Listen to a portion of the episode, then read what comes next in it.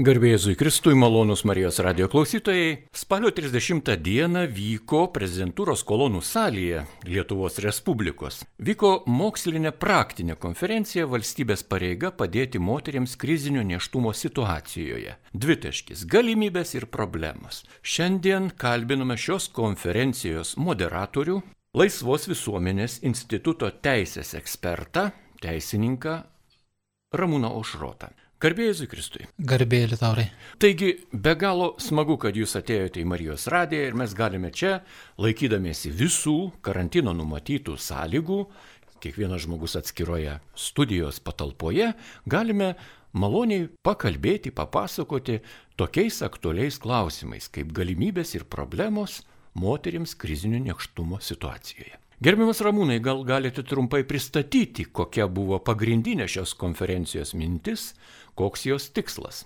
Na, turbūt atsispirti programoje būtent tokia, o ne kitokia, davė pagrindą supratimas, kad dar 1994 metais jauna Lietuva pasiuntė keturis savo pareigūnus į Kairo tarptautinę gyventojų vystimusi konferenciją, kurioje buvo priimtas strateginis veiksmų planas skirtas tarptautiniu lygiu formuoti politiką, kaip reikėtų pasiekti žmogaus gerovės ir sveikatos.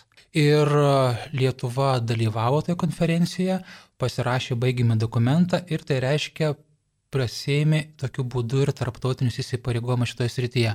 O liūdnas aspektas yra tai, kad per tuos 26 metus nuo Kairo konferencijos praktiškai e, jokių rimtų, rimtesnių žingsnių šitą linkme, kalbant apie valstybės pagalbą moteriams, ir nebuvo padaryta.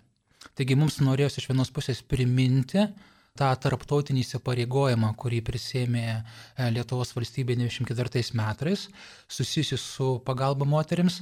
Ir taip pat e, gal kitas aspektėlis buvo truputėlį, na, pakeisti tokį Lietuvoje ypač taip vadinamų tarptautinės teisės ir žmogaus teisės ekspertų, kurių, na, yra Lietuvoje daug, neaišku, iš kur jie, kas juos paskyrė, jie patys pasiskyrė tokį naratyvą, kurį ilgą laiką propagavo Aušrė Marija Paviljoninė, dabar tą estafetę perėmė į kitos moterų teisų gynėjos, kad na, tarptautiniai įsipareigojimai iš Lietuvos reikalauja garantuoti moteriai teisę į abortą ir Lietuva šitoje vietoje įsipareigojimų nevykdo. Iš tikrųjų, tai yra absoliučiai netiesa, nes atidžiai skaitant ta, tos pačios Kairo konferencijos nutarimus, ten buvo susitarta iš tikrųjų šito konkrečio klausimo buvo susitarta dėl dviejų, dviejų dalykų. Tai pirmiausia, valstybės įsipareigojo imtis visų priemonių, kad padėtų padėtų moteriams išvengti aborto, tai reiškia neįdarytis, bet jo išvengti. Ir taip pat e, susitarė, kad abortas kaip toks negali būti skatinamas kaip šeimos planavimo metodas. Na va, ir e, kad visais atvejais valstybė privalo suteikti žmogaus orumą atitinkančią medicinos pagalbą bei konsultavę moteriams, kurios kreipiasi dėl abortų. Ir va šito tarptautinio įsipareigojimo dėja, bet Lietuva neįvykdė ir nevykdo. Ir tai yra labai liūdna. Ir norėjusi, vat, visų pirma, norėjusi priminti, priminti nacionaliniu lygmeniu apie šitą tarptautinį įsipareigojimą. Galbūt dar reikėtų pasakyti, kad, na, aišku, požiūris į moters sveikatą, moters sveikatos apsaugą, moters teisės labai dažnai išsiskiria nuo turimos ideologinės perspektyvos. Ir tai yra ne tik Lietuvoje, bet yra, ir tai tas pats yra ir tarptautinė plotmė. Bet e, tarptautiniu lygiu, jeigu yra dėl ko nors susitarima, tai susitarima dėl tam tikro minimumo, dėl kurio visos valstybės sutarė. Tai ir kario konferencijoje irgi buvo nesutarta dėl, to, dėl būdų, kaip moteriai reikėtų padėti, tačiau buvo sutarta dėl, bent jau dėl šitų dviejų dalykų. Na va ir, ir norėjusi tada panalizuoti, ką mes turime Lietuvoje ir ko neturim. Tai buvo tokia pirminė bazinė šitos konferencijos mintis, o tada jau pradėjome dėlioti pačią programą. Na jau paminėjot programą. Tai programa be abejo kiekviename renginėje yra vienokia ar kitokia, o kai kalbame apie krizinį neštumą, galbūt ne visi klausytojai dar ir supranta šią savoką. Gal gerbiamas Ramūnai galėtumėte įvardinti, kas yra tas krizinis neštumas kada jis būna, kada nebūna. Na, čia vat, irgi labai gera, geras klausimas atsispirti ir parodyti, kur ir kiek mes esame Lietuvoje užstrigę šito klausimu. Na? Nes, na, tam, kad žinoti, kaip padėti, dar reikia žinoti, kam reikia padėti, ar ta pagalba iš vis reikalinga. Taigi, pirmiausia, aš kaip teisininkas sakau, mes turime sutarti dėl pačios savokos, kas yra krizinis neštumas, o tada, kai mes žinosime, kas tai yra, tada jau galima modeliuoti ir galvoti apie konkrečius pagalbos būdus. Tai vad per šitos 26 metus mums taip ir nepavyko sutarti dėl, dėl šitos savokos. Dabar yra sudaryta prie Lietuvos Respublikos sveikatos apsaugos ministerijos, jeigu neklystų darbo grupė, krizinio neištumo programai nacionaliniu mastu paruošti. Buvo sudaryta pavasarį, įvyko berots vienas posėdis. Ir ten nuomonės įsiskyrė ir po to laiko darbo grupė darbo kaip ir nebetėsi. Man džiugu pasakyti, kad vat, po šitos konferencijos, kuri vyko prezidentūros kolonų salėje, ministras dar kartą atnaujino grupę, prateisius darbo terminą iki pavasario. Noriu tikiuosi, kad bent jau dėl šiuo klausimu, kas yra krizinis neštumas, sutars. Dabar kokia yra bėda apibrėžiant pačią savoką? Tai čia tokie du aspektai yra. Pirmiausia yra tai, kad, na, kai pabandai kabinti tą klausimą, kas yra krizinis neštumas, pasigirsta įvairių ideologinių grupuočių, ideologinių NVO ir jiems tarnaujančių tų žmogaus teisų ekspertų iškart kaltinimas, kad jūs norite e, uždrausti abortą. Ir tai neleidžia turėti tam tikrų vaisingų pastangų judant šitą linkme. O šiaip kitas aspektas, kuris yra problematiškas, kodėl Lietuvoje nepavyksta susitarti dėl krizinio neštumo, tai yra tai, kad na, pačios savokos turinys, nes medikams krizinis neštumas yra viena dalyka, psichologams kita, socialiniam darbuotojams kita. Pavyzdžiui, medikai, kalbėdami apie krizinį neštumą, jie visų pirma kalba apie komplikacijas. Tai jeigu yra normalus neštumas, jie tame nemato jokio krizinio neštumo. Arba psichologai arba socialiniai darbuotojai, ar ne, žiūri truputėlį plačiau. Jeigu jie mato, kad moteris na, neplanuotai pastojo, arba dėl to, kad jinai a, a, pastojo yra nepriimama šeimos arba vaikų, arba atsiduria galbūt sunkiai materialinė situacijoje, tai jie tame jau žvelgia krizinio neštumo požymius. Šiaip tarptautinė literatūroje, pavyzdžiui, Sažen Medical Dictionary, tokiam prestižiniam tarptautiniam medicininiam žodynė, apibrėžima yra taip, kad krizinis neštumas tai yra tiek planuotas, tiek ir neplanuotas neštumas, kuris dėl įvairių priežasčių tampa rimta problema moteriai. Ir tai gali būti labai įvairios situacijos. Tai gali būti, kaip, būti kaip minėjau, medicinės problemos, tarkime, vaisiaus tam tikras apsigimimas arba, arba problemos su, su pačiu neštumu. Gali būti ir tėvo apleidimas, kuris palieka moterį, sužinos, kad jinai yra nešia. Gali būti tėvų paramos toka, pavyzdžiui, nepilnametės merginos, kuri laukėsi, gali būti finansinės problemos, gali būti netgi ir uh, struktūrinis spaudimas moteriai, na, pasidaryti abortą. Tai labai daug įvairių priežasčių įeina. Bet taip labai paprastai sakant, krizinis neštumas yra situacija, kai dėl neštumo moteris patiria asmeninę arba santykių krizę. Malonus radio klausytojai, tęsėme laidą, kurioje jūs girdite pasakojimą apie tai, kaip Lietuvos Respublikos prezidentūros kolonų salėje tai yra ne prezidentūroje pačioje, tik salėje, spalio 30 dieną vyko mokslinė praktinė konferencija pavadinimu Valstybės pareiga padėti moteriams krizinio neštumo situacijoje, galimybės ir problemas. Ir šiandien apie šią konferenciją pasakoja šios konferencijos moderatorius Ramūnas Aušrotas. Taigi mes tęsėme tikrai problematišką temą ir be galo atsakingą temą. Ir jūsų įvardinta besilaukiančios moters būsena krizinio neštumo situacijoje yra išties labai sudėtinga. Būtų keista, jeigu nebūtų sudėtinga. Ar Lietuvoje turime organizacijų, kažkokių tai struktūrų, įstaigų, kurios gali padėti, o gal ir padeda moteriams šioje situacijoje? Ar šitų visų pagalbos biurų ir organizacijų pakankam krizinio neštumo situacijoje esančioms moteriams? Ar yra kokia nors kita sistema, kur moteris galėtų dar kreiptis ir ieškoti bei gauti pagalbos? Ar yra mediko pareiga aptarnaujant pacientą, nukreipti tokį pacientą, įtariant, kad besilaukianti moteris yra atsidūrusi krizinio neštumo situacijoje. Kokia ta situacija bendrai Lietuvoje, gerbiamas Ramūnai? Tai Liutaru uždavė labai daug klausimų, pabandysiu prisiminti, ko klausėte. Tai priminsiu, pri, priminsiu. Gerai, Čia rimti tai dalykai. Pirmiausia, taip. dėl pačios pagalbos sistemos. Tai kaip minėta, nacionaliniu lygmeniu tam tikros nei programos krizinio neštumo prevencijos arba e, intervencijos krizinio neštumo situacijoje iš valstybės ar postvencinių priemonių iš tikrųjų nėra. Kaip visada situaciją gelbsti visuomenė, gelbsti nevyriausybinės organizacijos įvairios ir taip pat religinės bendrijos.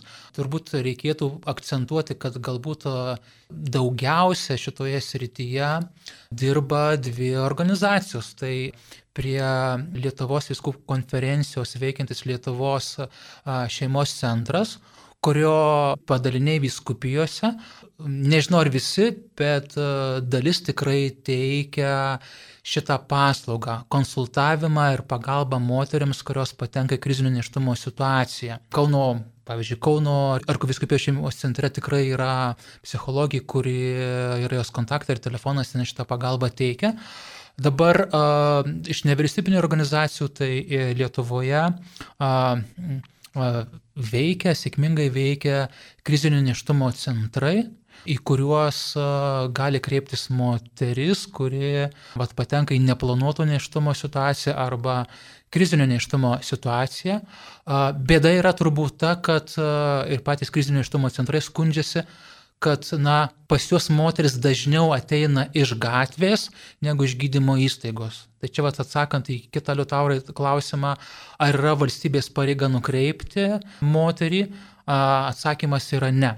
Ir va šitoje vietoje yra turbūt labai daug kiečių laužama. Na, kaip, kaip minėjo tam tikros pasaulyje žiūros asmenys bijo, kad ta įstatymė arba medicinos normai nustatyta mediko pareiga nukreipti moterį, kuri yra krizinio neštumo situacijoje, į krizinio neštumo centrą, prilyksta arba prilygs ar ne norui atimti iš moters laisvo apsisprendimo teisę arba, arba bus tam tikra užslėpta aborto uždraudimo arba neleidimo atlikti abortą forma. Tai tikrų, tikrai net, neteisinga interpretacija, bet kiek man žinoma, situaciją taip pat bando spręsti ir pačios sveikatos priežos įstaigos. Pavyzdžiui, konferencijose kalbėjusi atstovė iš Kauno, Kauno klinikų sakė, kad na, pas juos, jų organizacijoje, jie turi klinikose psichologą ir esant poreikiui medikas gali ir imti ir nukreipti tą moterį pokalbį su psichologu, net ir be kažkokio tai įsakymo iš, iš valstybės arba medicinos normos iš viršaus. Ir tai yra gerai, kad, kad yra tokių iniciatyvų iš apačios, iš bažnyčios, iš visuomenės ir netgi iš pačių, iš pačių medikų pusės. Bet galbūt medikai negali nukreipti, todėl kad nėra išspręstas finansinis klausimas. Tiesiog nėra kas prisijama tą apmokėjimą šitos paslaugos. Ar pacientas iš savo kišenės turi mokėti, o jeigu nukreipia gydant įstaigą, tai jį turi kažkaip kompensuoti ar iš dalies, o gal ir visą šimtą procentų. Gal čia tik pinigų klausimas. Na, gal kažkiek tai yra, na tikrai finansavimas šitą vietą tų konsultacijų tikrai palengvintų, e, palengvintų situaciją. Dabar e, turbūt kiekviena įstaiga, kuri turi ar desnis, turi turėti socialinį darbuotoją, yra tokia specialybė socialinis darbas medicinoje, Ir taip pat turi turėti ir psichologą, tai kažkiek tai a, valandėlių ar kažkoks etatėlis yra tiems asmenim numatytas, kokia jų darbo apimtis, ar ne, jų turbūt darbo aspektas yra truputį platesnis arba daug platesnis negu tik konsultuoti moteris, kurios patiria krizinį neštumą, tai turbūt atina ir, ir žmonės, kurie išgyvena nerimą, depresiją dėl savo lygos ar ne gedulą galbūt artimieji išgyvena, tai gali būti labai didelis profilis. Čia mes kalbam apie vat, vieną konkretą pacientų segmentą, apie moteris, kurios kreipiasi į akušerį gynekologą. Tai kalbant apie šitą konkrečią normą, medicinio akušerio normą, tai a, iš tikrųjų yra tam tikra na, ir plika zona šitoje vietoje. Jeigu lyginsi, pavyzdžiui, medicinos akušerio gynekologo normą su kitomis medicinos normomis, tai ten, pavyzdžiui, tokio dalyko nėra, koks yra, kalbant apie kitų gydytojų specialistų medicinos normas. Pavyzdžiui, kalbant apie šeimos gydytojo normą arba, arba traumatologo normą, aiškiai yra parašyta, pavyzdžiui, jeigu yra nepilnametė ir yra indikacija, kad jos, tarkime, lyga arba situacija susik galimai susiklosti dėl, dėl galimo smurto prieš ją arba dėl padaryto nusikaltimo, yra, yra privaloma informuoti a, policiją ir socialinės tarnybas. Kalbant apie akušerių gynekologo normą, šitų dviejų įrašytų pareigų jūs nerasite. Ir man visada kila klausimas, kodėl. Ar kartais čia irgi va tas yra reiškia, kaip karo metu būna, ar ne, kai yra kariaujančios dvi pusės už abortus, prieš abortus, tada yra nusistovę tam tikras pusiausvyra ir viduje yra ta vadinamoji mirties žemė. Joje nekariaujama, bet jokios gyvybės nėra. Ir galbūt šita medicinos, akušerio gynekologų medicinos norma išreiškia, yra pavyzdys tos pačios vat, negyvos žemės, kur niekas negali išdygti vien dėl to, kad prieš tai ten buvo kariauta. Tai man, mane asmeniškai šita situacija labai liūdina ir neramina. Taip, taip iš tikrųjų neturėtų būti. Ir būtent dėl to mes organizavom konferenciją, kad truputį pabakstyti pirštų į tas skylės ir pasakyti, na, kad pagalba moteriams turėtų būti aukščiau bet kokių ideologinių arba pasaulyje žiūrinų nesutarimų.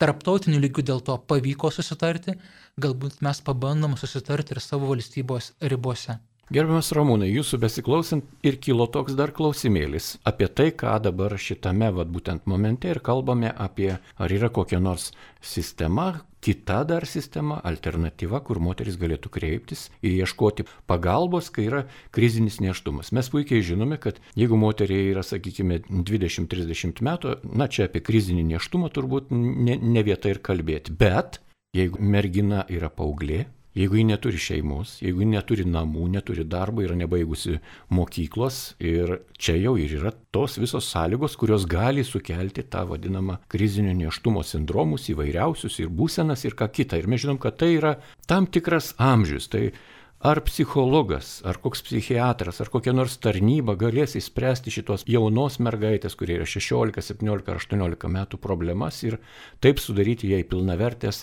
sąlygas gimdymui? Ar tai realu? Turbūt norėčiau Jūs pataisyti truputėlį, kad e, krizinis neštumas susijęs ne su amžiumi, bet su situacija asmens. Nes e, tokiu būdu mes turėtume sakyti, ar ne, kad vat, 18 metų jauna mergina, kuri vat, ketina stoti universitetą, ir pradeda lauktis, ar ne, jinai jau nekrizinio neštumo situacijų, nes jinai jau nebe, nebe nepilnametė. Ir lygiai taip pat galėčiau pasakyti, jeigu, pavyzdžiui, 16 metų mergina ar nepradeda lauktis, nu tai yra socialinė situacija, bet nebūtinai krizinis neštumas. Jeigu ją paremia jos tėvai, jeigu paremia mokykla, jeigu valstybė sudaro galimybės jai tą vaiką auginti, jeigu jos vaiko tėvas nepalieka, mes neturime krizinio neštumo situacijos. Čia tik medicinė prasme galim truputėlį kalbėti, ar ne, kad, tarkim, 15 metų gimnantė paauglė, ar ne, yra šiek tiek didesnė rizika jos veikatai ir, ir vaisiui. Bet, bet čia tik ta siauraja prasme, bet socialinė, psichologinė prasme tikrai nebūtinai. Tai ne, nesaurinkim a, iki krizinio neštumo, iki, iki paauglės neštumo, nes tada a, įpulsimi į tą situaciją, į kurią įpulė, įpulė sveikatos apsaugos ministras Aurelius Veryga, kuris a, patvirtino savo įsakymu kompensavimą hormoninės spiralės paauglėms dėl to, kad jinai patenka į va, taip vadinamą krizinio neštumo situaciją. Tai yra tikrų klaida. Nes ir kitas klausimas turbūt būtų, kad nu, tikrai netom priemonėm mes turėtume, nemediciniam priemonėm turėtume šitas situacijas spręsti. Tai krizinio neštumo klausimas yra kompleksinis klausimas. Ir neveltui aš sakiau, kad Tai todėl jame turėtų ir dalyvauti ne tik medikas ir ne tik medicininiam priemonėm, bet turėtų dalyvauti ir nesuinteresuotas moterį palydintis asmuo, ar psichologas, arba kitas specialistas, socialinis darbuotojas, turėtų dalyvauti, jeigu tai yra nepilnametį, ir socialinės tarnybos, mokykla ir, ir bendruomenė. Tai yra kur kas kompleksiškesnis klausimas ir tas požiūris turėtų būti nu, platesnis į krizinį neštumą. Tikrai nelengva tema. Galime grįžti vėl prie konferencijos, kuri vyko spalio 30 dieną ir buvo pavadinimu Valstybės pareiga padėti moteriams krizinio neštumo situacijoje, dvitaškis galimybės ir problemas. Ir apie šią konferenciją pasakoja šios konferencijos mokslinės praktinės konferencijos moderatorius, Laisvos visuomenės instituto teisės ekspertas Ramūnas Aušrotas. Taigi, tęsiant kalbą, konferencija bei jos prelegentai. Kaip išrinkote, kaip rinkote šiai konferencijai prelegentus, kokius kėlėte reikalavimus jiems ir kokius galbūt tikslus? Na, pirmiausia, kaip sakiau, norėjome atsiplėšti nuo tos galbūt pasaulyje žiūrinių arba ideologinių kampo, organizuotami konferenciją. Ir geriausia prieiga mums pasirodė tada padaryti ją mokslinę praktinę, kad joje kalbėtų ne daugiau kalbėtų ne pažiūros, daugiau kalbėtų ne, ne ideologija, bet kalbėtų specialistai, kurie objektyviai ir nešališkai galėtų įvardinti tą situaciją, kokią mes, mes Lietuvoje turime, kokios pagalbos moteriams reikia ir kokios pagalbos joms trūksta. Ir todėl į konferenciją kvietėme būtent pagal kriterijų mokslinį, tai yra specialistus, kurie kažkiek tai savo akademinėme darbe analizuoja arba prisiliečia prie šitos temos ir turi ką pasakyti. Tai toks buvo turbūt pirmas, pirmas pasirengimas. Pradžioje buvo daugiau galbūt galvojama apie, apie teisinius ir socialinius pagalbos moterį aspektus, Tačiau pavyko užmėgsti labai gražų ryšį su Lietuvos sveikatos mokslo universitetu, su Kauno klinikų medikais, kurie na, labai stipriai sureagavo ir atsiliepė į pasiūlymą bendradarbiauti darant šitą konferenciją. Taigi konferencija prasiplėtė ir medicininiais aspektais. Mes turėjome daktarę Dalę Reginą Railaitę, kuri pateikė mediko perspektyvą į šitą situaciją. Ir taip pat, be, man pačiam benaršant interneto platybės, beieškant va, tų akademikų, kurie galėtų kažką vaisingai ir svariai pasakyti šitoje temoje, pavyko atrasti dvi kitas moteris, kurios praplėti konferenciją iš tos socialinės perspektyvos apie tai, kokią skurdo riziką gali patirti moteris, kuri patenka krizinio neštumo situaciją ir kokia yra situacija su Lietuvoje su gimdančiam paauglėm. Tai konferencija po truputėlį, nu, galbūt nuo teorinės perėjo į tokią labiau mokslinę praktinę su konkrečiais ir tiksliais profesionalų akademikų pastebėjimais šitoje srityje. Gal galite trumpai papasakoti apie kiekvieną iš prelegentų bei trumpai pristatyti jų pranešimus, kad Marijos radio klausytojai, kurie dar negirdėjo šios konferencijos, nei įrašų, nei buvo joje, galėtų susidaryti tokį stipresnį, tikresnį vaizdą. Na, tai konferencija pati buvo sudaryta iš keturių sesijų. Pirmoji sesija buvo skirta apžvalgai, kas tai yra krizinis neštumas, kaip minėjau, tai pačiai savokai. Ir pirmą pranešimą skaitė daktarė Gedrė Širvinskinė, Lietuvos sveikatos mokslo universiteto, Medicinos akademijos visuomenės sveikatos fakulteto, sveikatos psichologijos katedros docentė. Ji taip pat yra krizinio neštumo centro konsultantė. Taigi jinai jau įvardino mano minėtą problemą, e, nesutarimą dėl, dėl to, kas yra krizinis neštumas. Paskui skiria gana nemažai laiko apžvelgti, apžvelgti kokios pagalbos moteriams reikėtų, apžvelgti tarptautinę situaciją, kokia pagalba yra teikiama. Ir galbūt man taip stipriausiai nuskambėjo jos pasakyta mintis, kad, na, pats pati paslauga neštumo nutraukimo arba abortas atsiradusi, atsiradusi kaip išradimas ne vakarų laisvos Europos, bet totalitarinės sovietinės sistemos, tai buvo Lenino ir Stalino įvestas į apyvartą valstybės politikos objektas jie visgi laikė, kad tai yra laikinas sprendimas. Kitaip tariant, kad kai mes pasieksime šlovingą, neužkalnų, mums jau grėsinti komunistinį rytojų, neštumo nutraukimo nereikės.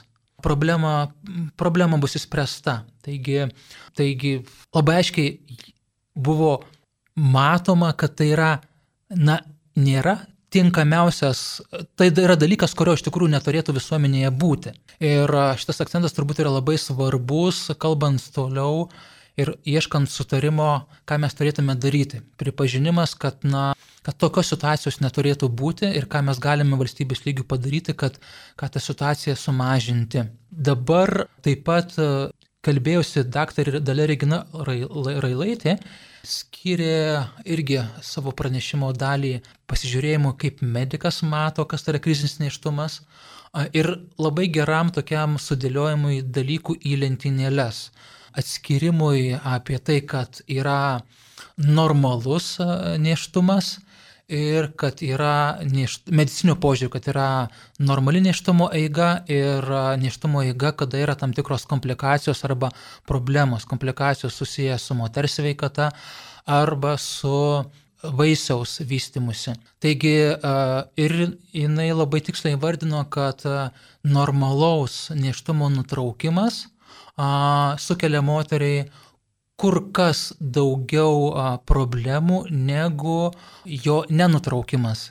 Taip tariant, tai, kas pagal medikų etiką, pagal Hipokrato priesaką neturėtų būti daroma, ar ne, jisai jisai kaip tik nėra, nėra ir neturėtų būti laikomas, laikomas gydymu. Ir taip pat jinai uždėjo labai gražų akcentą kad, apie tai, kad buvo klausimas iš auditorijos, ar medikas, studentas turėtų mokytis atlikti štumą. Ir jinai atsakė labai paprastai, kad na, visi medikai turi mokėti nutraukti neštumą, nes gali būti situacija, kai neštumas kenkia geresnė moters, moters sveikatai. Tačiau nebūtina tam, kad išmokti nutraukti neštumą, nutraukinėti neštumą tai situacijas, kada yra normalus neštumas. Ir beje, medicinos praktikos įstatymas numato medikams išlygą, jis leidžia atsisakyti atlikti neštumo nutraukimą tai atvejais, tais atvejais, kai tai prieštarauja medicinos etikai. Tai, kaip tariant, tai apima tas situacijas, kada yra būtent normalaus, nekrizinio, nekomplikuoto neštumo nutraukimas.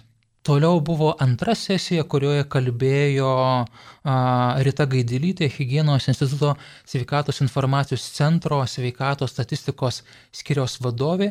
Tai yra moteris, kuri yra atsakinga už statistiką, už sužiūrėjimą, kiek Lietuvoje yra padaroma neštumo nutraukimo, dėl kokių priežasčių.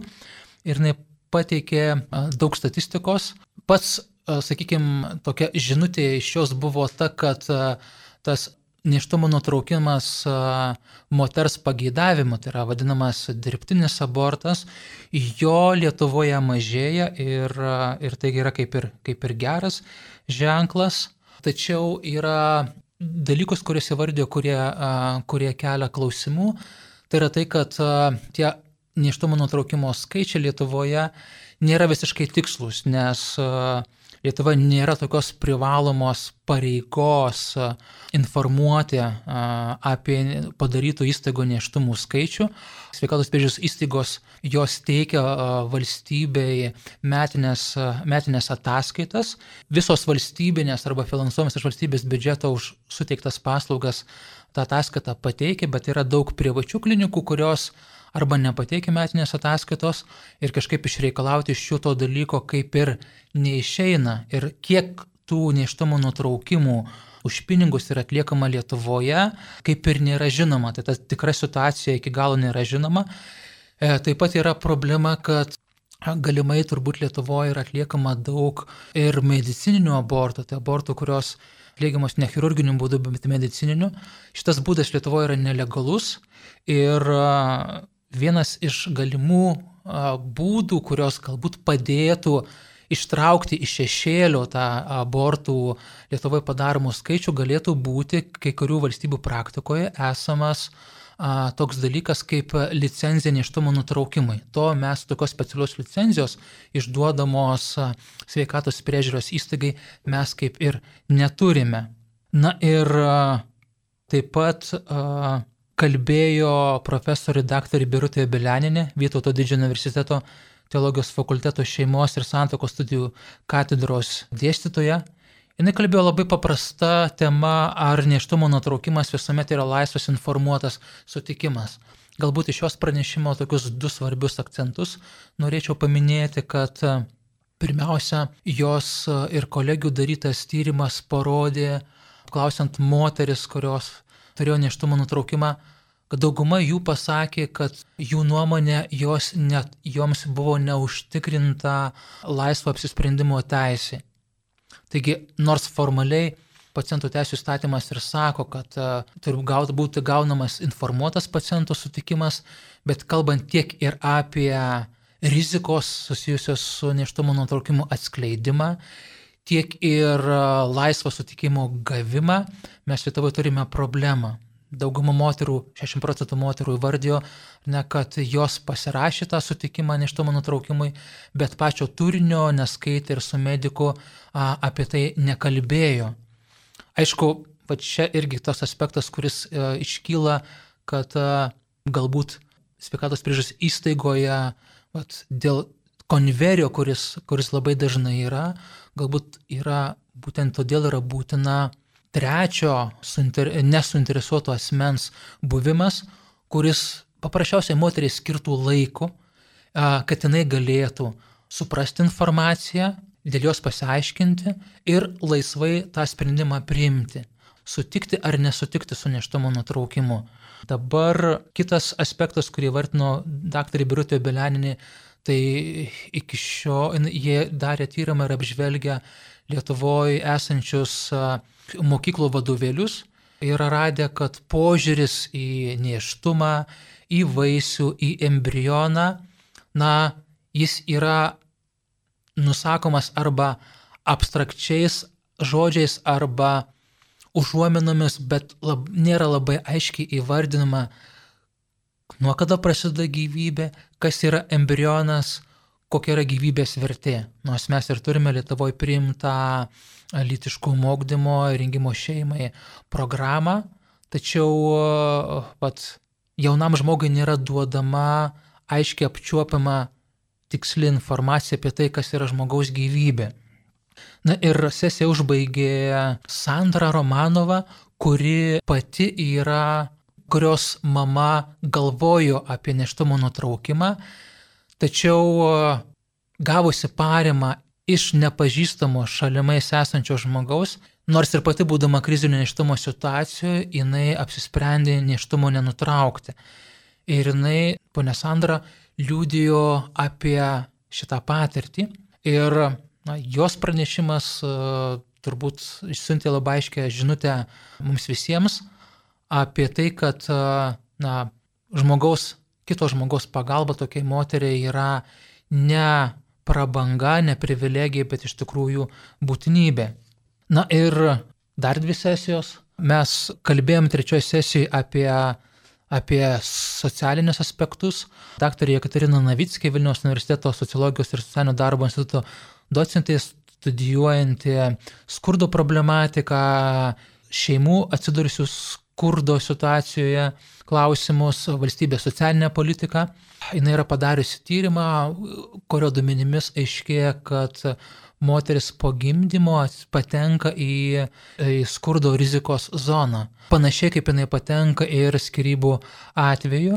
Ir, ir ypač šita skurdo rizikos skurdo rizika labiausiai rizikuoja į šitą skurdą patekti būtent nepilnametės, taip pat bedarbės, taip pat studentės ir taip pat minimales pajamas gaunančios moteris. Ir jinai kėlė klausimą, ar mūsų Lietuvos socialinės apsaugos sistema yra tinkamai orientuota ir ar pakankamai užtikrina moterų, kurios yra, kurios laukėsi vaikelio, apsaugą ne tik po neštumo, tai yra joms mokamas vaiko priežiūros atostogas, bet ir iki to.